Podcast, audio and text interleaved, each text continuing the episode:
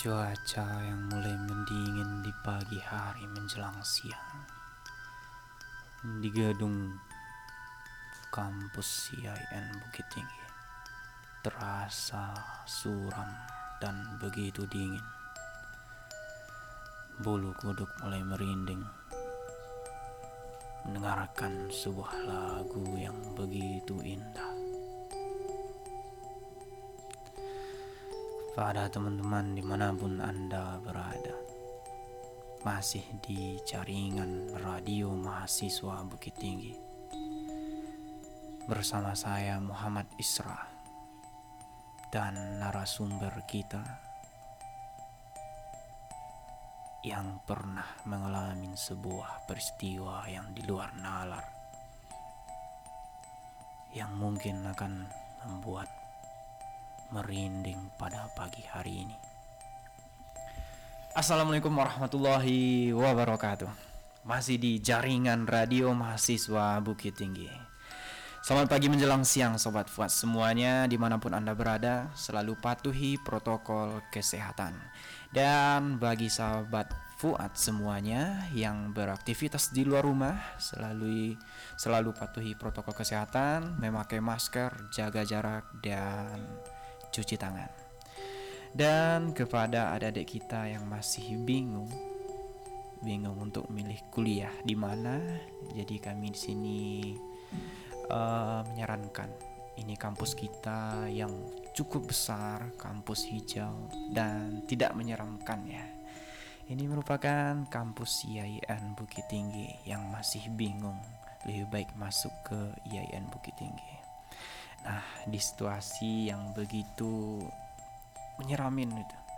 Suasana yang begitu gelap dengan narasumber kita yang begitu suram nampaknya wajahnya. Karena pernah mengalami sebuah peristiwa yang menyeramkan, cukup menyeramkan di sebuah gunung yang pernah ia daki. Hari ini Isra nggak sendirian ditemani oleh seorang narasumber yang jauh-jauh dari kota Solo yang akan menceritakan kisahnya di sebuah gunung yang mana beliau pernah mengalami sebuah kisah mistis yang gak bakalan terulang lagi. Mungkin gak bakalan ia ulangi untuk daki gunung. Nah jangan terbawa suasana ya kepada teman-teman semuanya karena kita masih dalam keadaan pandemi dan juga baru bangun pagi. Nah, sebelum itu kita dengerin sebuah lagu yang begitu indah untuk dengarkan pada malam hari maupun pagi hari. Silahkan.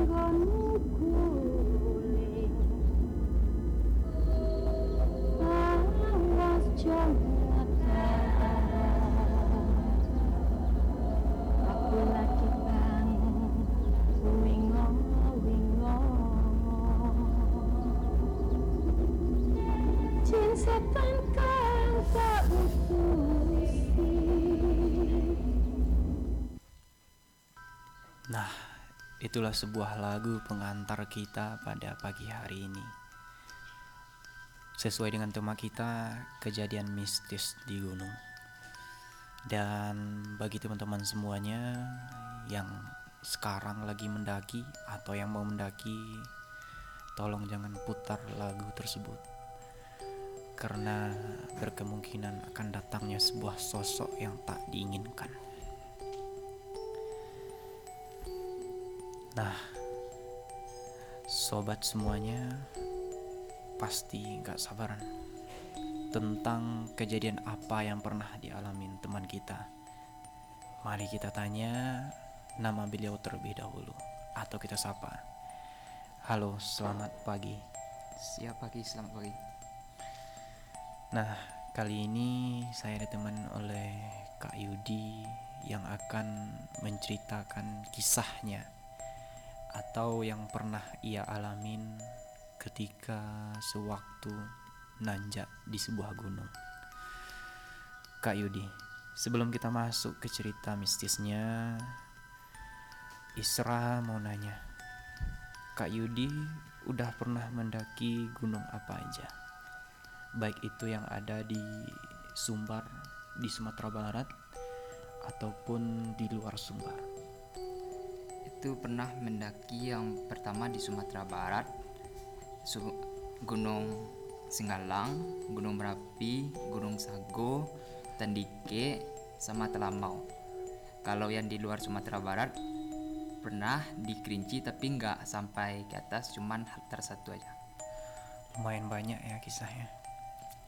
Nah, istilahnya lagi nih waktu nanjak itu waktunya malam atau siang hari. Kan orang kan banyak kalau lebih efisien atau dengan cuaca yang bagus kita lebih baik nanjak malam. Gimana itu kak?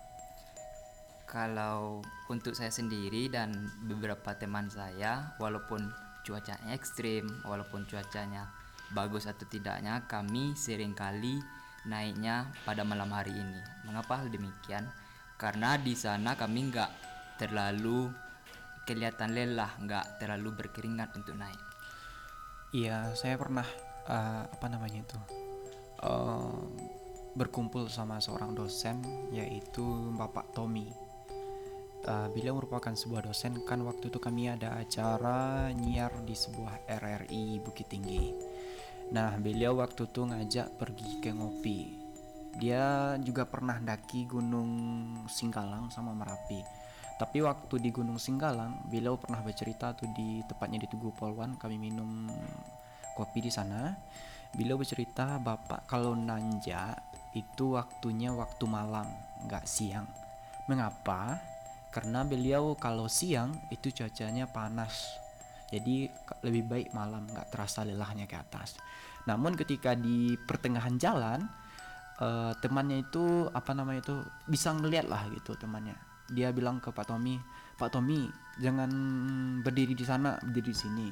Padahal waktu itu Bapak Tommy udah merasakan dia nyandang tas kan. Waktu dia nyandang tas tuh tasnya terasa berat gitu ke atas waktu itu temannya nyaranin ke sini aja berdiri. Nggak dilangsung diceritain gitu. Waktu di atas pun nggak diceritain apa yang di temannya lihat. Pas tiba di bawah atau menjelang pulang baru ceritain. Pak tadi waktu di pertengahan jalan uh, saya lihat uh, ada sesuatu di belakang bapak di atas bapak. Makanya saya saya suruh ke sini.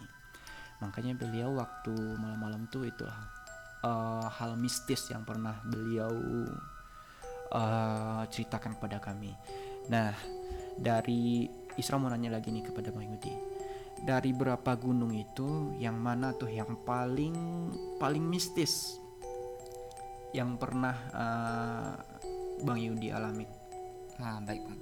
Yang paling mistis yaitu di terdapat di Gunung Singgalang itu kayaknya serem kali kalau diceritakan. Terus di Gunung Talang pun sama hal demikian dan juga dengan di Gunung Kerinci.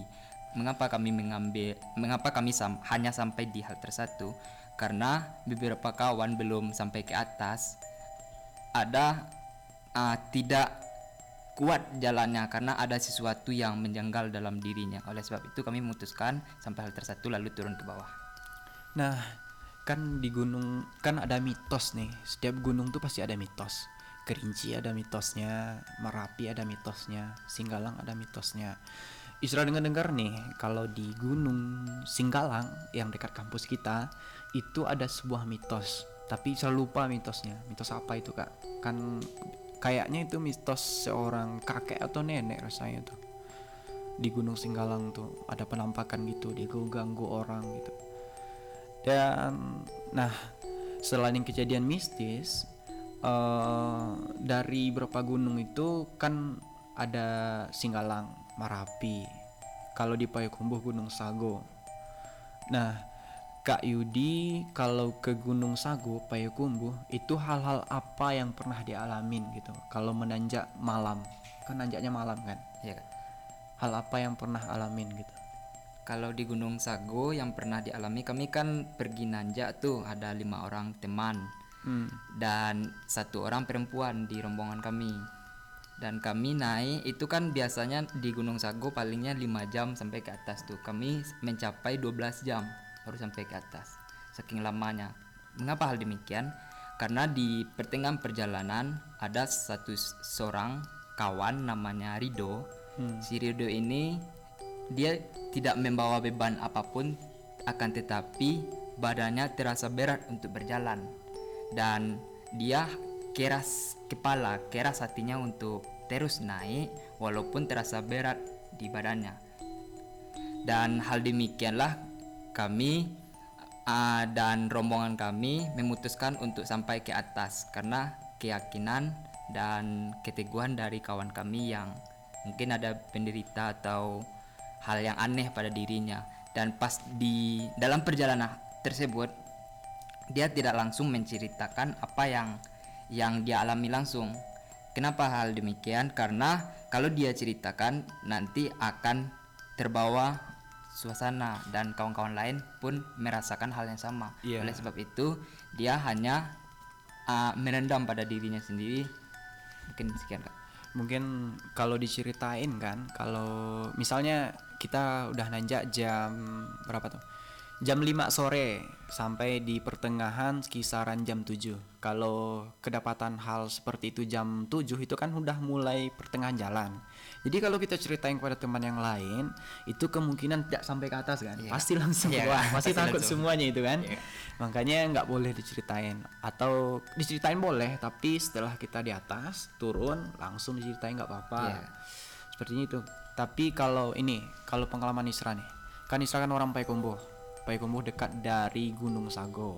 Kami orang Payakumbuh memiliki sebuah mitos yang mana kalau pergi ke kampung orang itu harus permisi dulu atau terutama untuk pergi ke buang air buang yang kecil lah. Harus misi dulu. Eh, contohnya ada sebuah pohon. Kan kita misi ke sana mau pip, mau mau pipis kan? Mau mau buang air mau buang air kecil. Tapi izin izin buang air kecil. Ini kalau kita asal-asalan aja langsung aja buang di sana takutnya penunggu di sana marah. Marah dalam eh, apa namanya itu?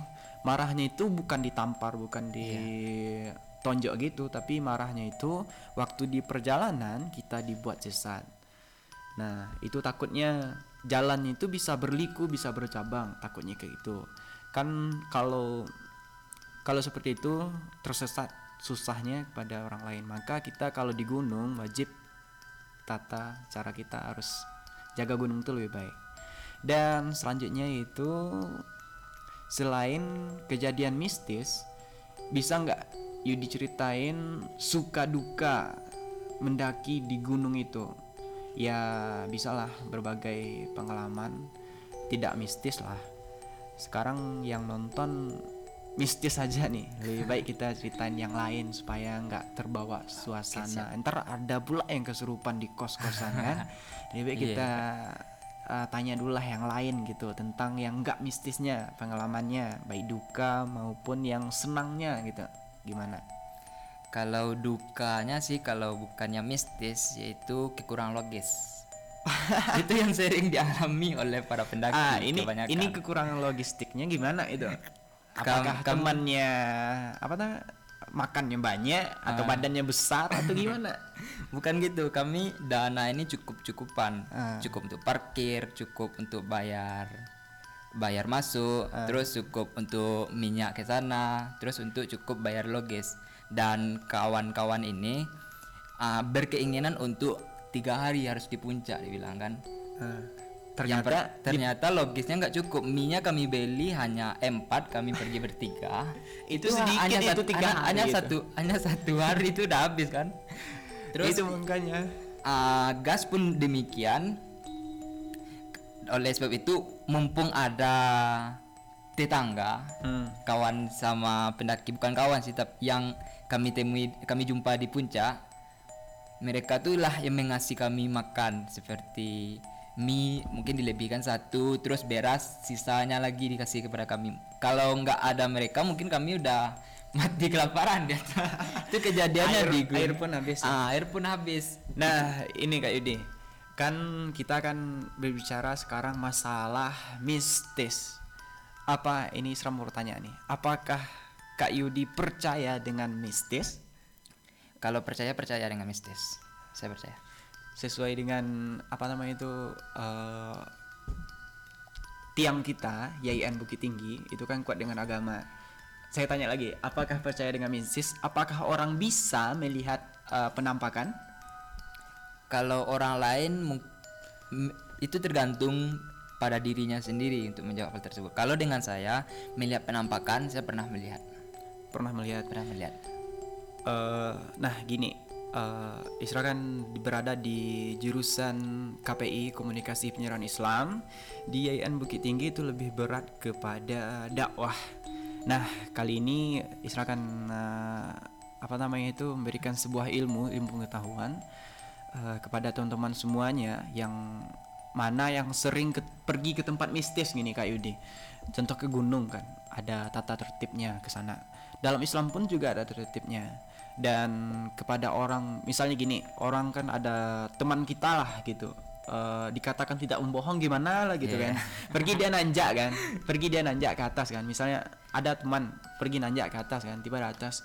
Perginya malam, perginya malam, tiba di atas eh, biasa aja. Pas turun bilang sama kita, pas pergi ngumpul-ngumpul kan, eh tadi malam aku lihat yang putih-putih di sana di atas pohon. Dari awal pergi sampai ke atas diikutin terus. Anak apa namanya itu eh, ngomongnya itu lancar sekali, meyakinkan sekali.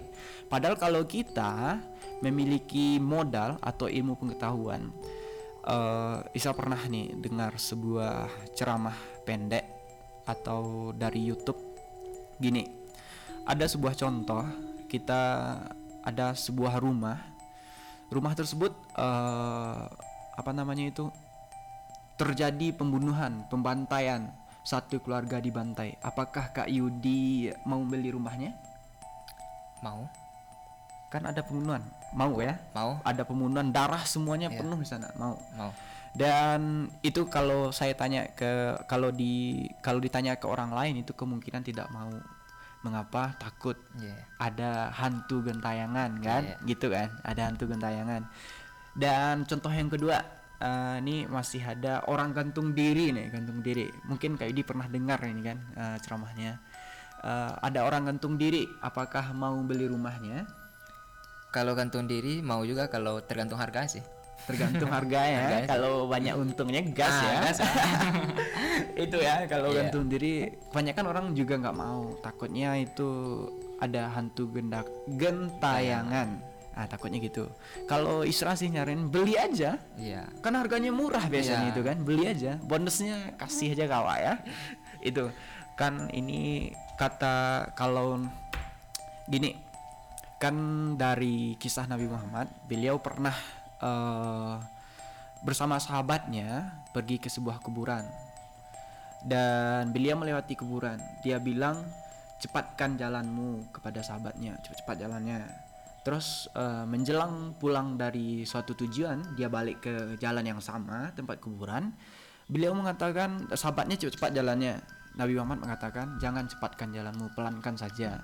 Dan sahabat bertanya mengapa wahai Rasulullah tadi menjelang pergi kau eh, suruh aku cepatkan jalanku? Padahal sekarang uh, kau suruh uh, aku pelankan. Jika kau uh, bisa mendengarkan uh, pendengaran seperti telingaku, kau akan mendengarkan jeritan seorang mayat di dalam kuburnya. Nah, ini menggambarkan bahwa uh, tidak ada hantu gentayangan gitu. Kan orang meninggal contohnya tadi, yeah. orang yang satu rumah yang dibunuh, dibunuh keluarga. Kalau dia Islam pasti matinya syahid yeah. kan? Yeah. Pasti uh, itu masih di kuburan lah. Yeah. Nggak mungkin lah gentayangan. Kalau yang gantung diri tadi itu nggak ada lagi itu langsung di kroyok itu di dalam kuburan, itu pasti ya, dikeroyok pasti. itu. Nggak ada yang gentayangan. Dan juga kan kalau kita masuk rumah itu kan harus walaupun tidak ada orang di dalam rumahnya itu wajib kita baca assalamualaikum. assalamualaikum. Walaupun assalamualaikum kan itu bukan untuk orang lain untuk kita juga kan. Walaupun ada yang dalamnya. Kalau kita baca assalamualaikum itu udah menjadi tembok untuk kita.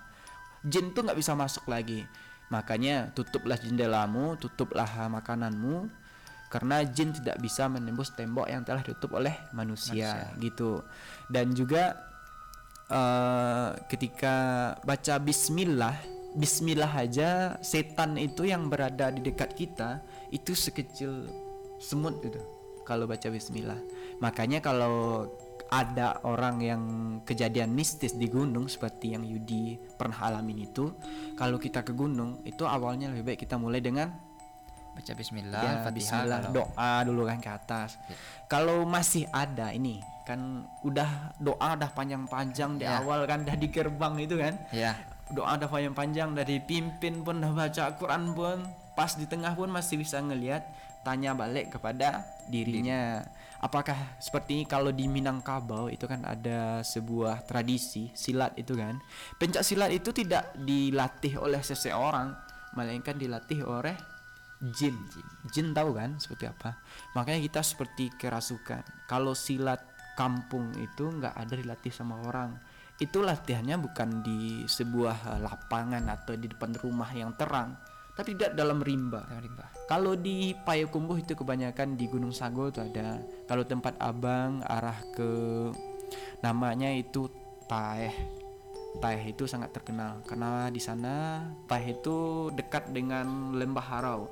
Lembah Harau ini uh, cukup mistis karena orang di sana percaya bahwa inyek inyek itu tahu kan tahu, harimau. Tahu. Maka harimau itu dekat di sana. Harimau Sumatera, harimau harimau harau kan tahu. Nah, di sana masih ada itu. Kalau orang di sana melanggar di dekat gunung itu, sering juga orang camping di sana.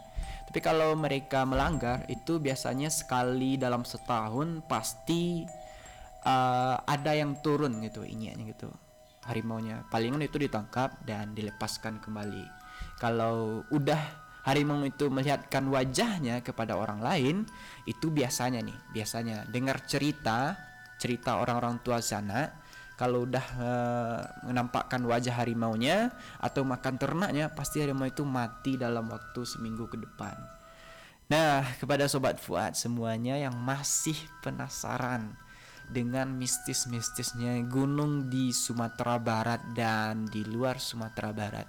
Nah, mari kita dengerin sebuah lagu dari teman kita.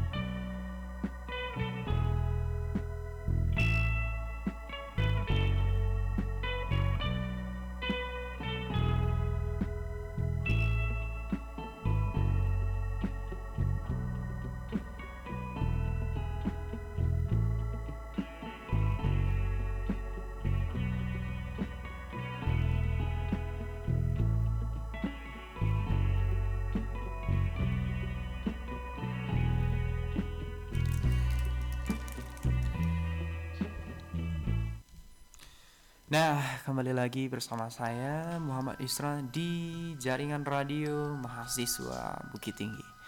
Masih di tema yang sama, mistis, mistis di gunung. Nah, kali ini masih ditemanin oleh Kak Yudi kita. Pertanyaan terakhir. Nah, ini Bang, kan mistis. Kan ada banyak sekali gunung di Sumatera Sumatera Barat. Singgalang, Merapi, Talang, Sago. Sago, Talamau. Iya kan? Talamau. Itu yang dekatnya kan. Nah, antara gunung kan tiga penyangga Minangkabau. Merapi, Singgalang, Tandike. Tandike. Itu kan eh, penyangga Minangkabau. Yang ketiga tersebut memiliki kisah mistis yang berbeda dan tingkatan mistis juga yang berbeda dan kesulitan pergi nanjak ke sana juga berbeda. Nah, sesuai tema kita pada hari ini, kejadian mistis mana yang paling keras atau yang paling kental dirasakan antara tiga penyangga gunung di Minangkabau ini, Bang? Yang paling mistisnya terdapat di Gunung Singgalang. Mengapa gitu, Bang? Gunung Singgalang. Emang ada apa di sana gitu? Kan udah indah, ada Telaga Iya. Dewi kan. Nggak mungkin lah seindah itu, ada hal yang mistis. Tolong ceritain apa yang terjadi di sana. Mungkin cerita orang berbeda-beda, pengalaman orang berbeda-beda setiap mendaki, setiap yang dia alami. Dan pengalaman saya beserta kawan-kawan saya sesama pendaki, kami mengalami mungkin sangat mistis bagi kami. Mengapa demikian? Karena di Gunung Singgalang itu terdapat ah, tower, bukan tower tapi tong tonggak listrik Tonggak listrik yang Ya, tonggak listrik ya. sampai ke Bisa atas. kita lihat kan? Ya. Oh ya. Itu kan jaringan jaringan RCTI sama TVRI kalau nggak salah. Itu salah satu pemandu kami untuk naik ke atas dan Hmm. orang pos mengatakan kalau kawan-kawan belum pernah naik ke Singgalang nggak perlu membawa pemandu karena pemandu kawan-kawan udah ada di setiap pinggir jalan. Dan kami memfokuskan di sana untuk tujuan naik ke puncak kami mengikuti ah, tonggak listrik tersebut Atau kabelnya itu kabel atas ya? kabel listrik tersebut dan pas di pertengahan jalan belum pertengahan sih tapi di bawah pertengahan seperempat jalan di sana ada jalan bercabang Cabang dua. cabang dua. Cabang dua tersebut ada lurus dan ada belok ke kanan. Itu sama-sama terang sama-sama kayak dilalui banyak orang dan kami nggak tahu pilih yang mana. Dan saking banyaknya pepohonan nggak terlihat kabel-kabel tadi kami nggak nggak tahu di mana sih jalan yang benar gitu. Dan kami di sana ada enam orang empat orang mengatakan di sebelah kanan dan tiga orang eh du- dua orang lagi mengatakan jalan lurus otomatis kami mengikuti jalan yang banyak Yang dipilih orang. ya? dipilih orang Makanya belok ya. ya makanya kami belok kanan pas kami belok kanan udah ada setengah jam perjalanan Aduh, udah jauh itu ya. Udah, itu waktunya jam 9 malam. Kami dari bawah tuh jam 8 siap Isa. Pas di jam jam 9-an di jalan tersebut, kami mengikuti jalan yang sebelah kanan tadi. Hmm. Pas jalan, jalan sebelah kanan tadi, di setengah jam kami berjalan, ternyata kami sampai di jalan yang pertama yang kami temui itu. Oh, berbalik lagi. Berbalik gitu. lagi ke bawah.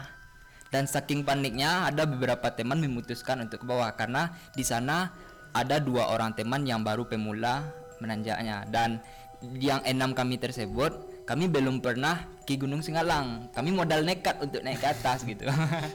orang pos mengatakan banyak kali mistis tapi kami modal nekat, tekad, niat Insya Allah kami sampai kami bilang kan ternyata kami sesat gitu.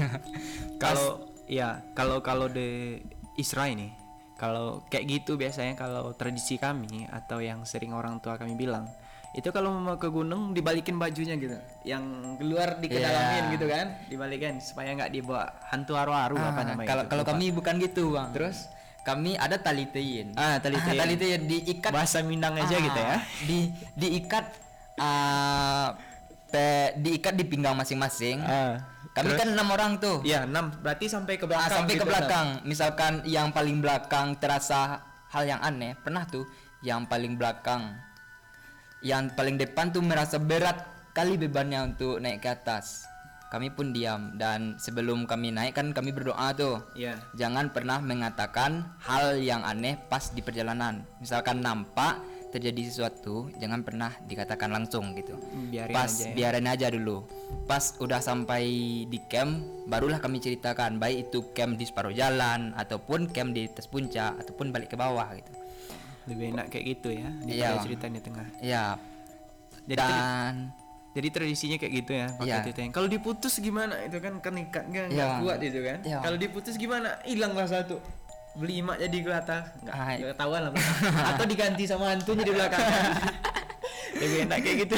ya lebih enak kayak itu bang. Tapi kami bukan tradisi kami sih, tapi emang sesuai dengan apa yang kami bawa gitu bang. Kalau kalau abang sih kan waktu kecil nih, waktu SMP lah.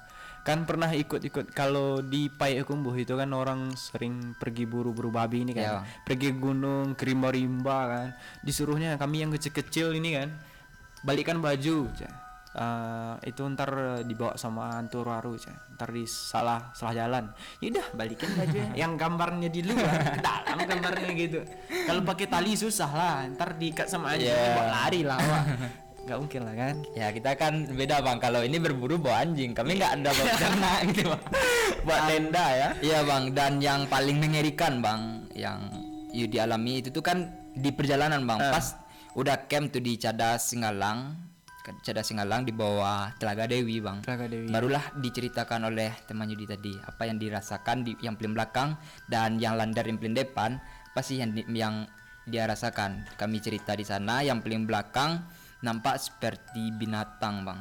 binatang Iya binatangnya kayak se bukan harimau sih tapi sejenis itulah bang. Nampak melintas di di kan kami ada enam tuh yang di pertengahan tuh nampak melintas dan dan dia nggak langsung ceritakan bang. I- Dan yang paling depan bukan nampak binatang tuh bang. Terus? Nampak ah, seperti kain putih tapi bu kainnya doang kepalanya hilang. Oh deh ma. Itu, itu nampak bang. lagi. yang yang tengahnya mana-mana aja bang. Yang yang mengerikan yang paling belakang sama yang di depan.